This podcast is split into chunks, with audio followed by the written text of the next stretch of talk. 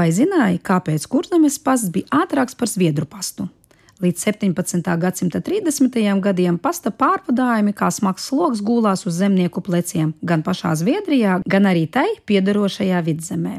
Lai gan 1630. gadā atcēla zemniekiem bezmaksas šķūtis un pavēlēja muižas kungiem turēt krogos un stadulās pasta zirgus, lobbarību un pārtiku karaļa kurjeriem, joprojām arī zemniekus viņu zirgu darba spēku turpināja izmantot pasta satiksmes nodrošināšanai.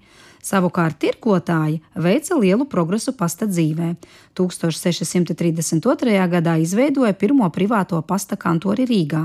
Tā dibinātājs un pirmais pastmeistars bija Zviedrs Jēkabs Bekers. Pasta kantoris uzturēja satiksmi starp Rīgu un Klaipēdu. To izmantoja galvenokārt tirzniecības vajadzībām, bet jau tajā pašā gadā Bekers publicēja pasta apmaiņas sarakstu un maksājuma taksi, krietni paplašinot pasta kantora darbību lauku apvidū, ko varēja izmantot tik viens, kurš spējīgs maksāt. Līdz ar to tika izveidots pirmais publiskais pasts Latvijas teritorijā Vidzemē. Pasta satiksme baudīja visādas priekšrocības. Rīgas pasta kantoris bija atbrīvots no karavīru izmitināšanas pienākumiem, bet pastniekus no pārcelšanas maksas pāri Daugavai un Gaujai. Tajā pašā laikā kurzemes hercogistai trūka sava pasta organizācijas. Hercogs Jēkabs lietoja zviedru pastu, par ko dāvināja pasta jātniekiem drēbes un naudu, atļaujot viņiem braukt caur kurzemi. Nākamā hercoga Friedriča Kazimira attieksme bija citāda. 1685. gadā viņš ierīkoja savu pastu un negribēja vairs ārzemju pasta konkurenci savā zemē.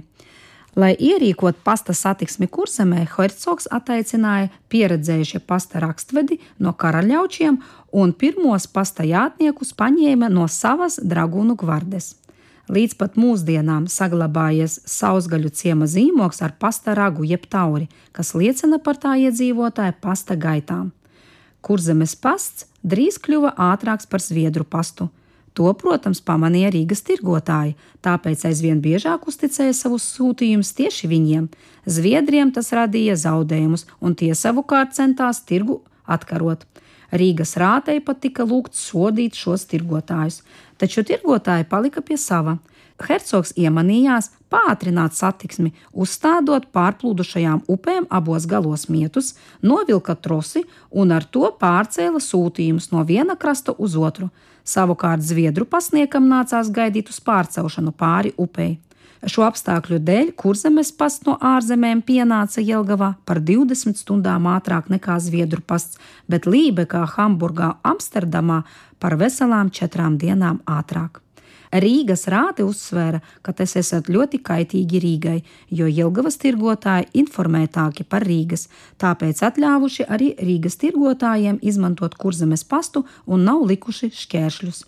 Tādā avīzē hercogs vēl vairāk varēja ietekmēt zviedru pastu. Zemniekiem aizliedza visādā ziņā palīdzēt zviedru pasniekiem, ja tie nonākuši grūtībās.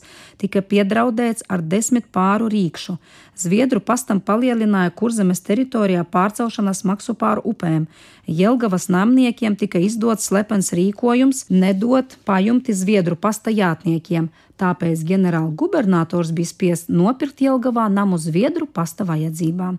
Diemžēl, lai cik vai kurš pasts bija ātrāks vai lēnāks, 17. gadsimtā uzticība pastam tomēr nebija liela. Vēstules bieži gāja zudumā, pienāca bojātas, tāpēc nereti svarīgas vēstules nosūtīja pa zemes pasta ceļu, bet šo vēstuļu norakstus ar kuģi pa jūru vai arī otrādi. Šie vēstures fakti liecina, ka cilvēks vienmēr centies informācijas apriti pātrināt, un kuram tas izdevās vislabāk, tas arī saņēma samaksu par pakalpojumu.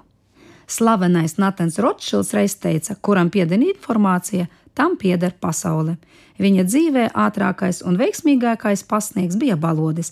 Tās atnesa viņam ne tikai bagātības, bet arī slavu. Neitans dzīvoja apvienotā karalistē un daudzus gadus audzēja pasta baložus. Viņš piesēja īpašus šifrus ar finanšu atskaitēm, putnu ķepām un sūtīja baložus saviem brāļiem uz Itāliju, Franciju un Austriju.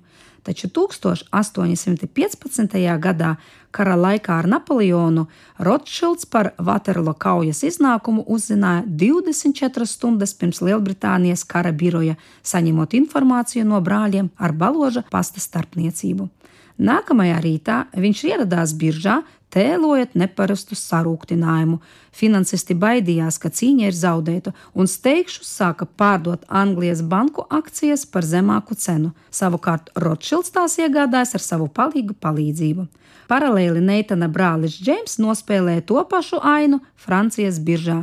Pateicoties šiem darījumiem un aktieru meistarībām, Rothschildi guva milzīgu peļņu, un atliek tikai just līdzi izpostītajiem finansistiem.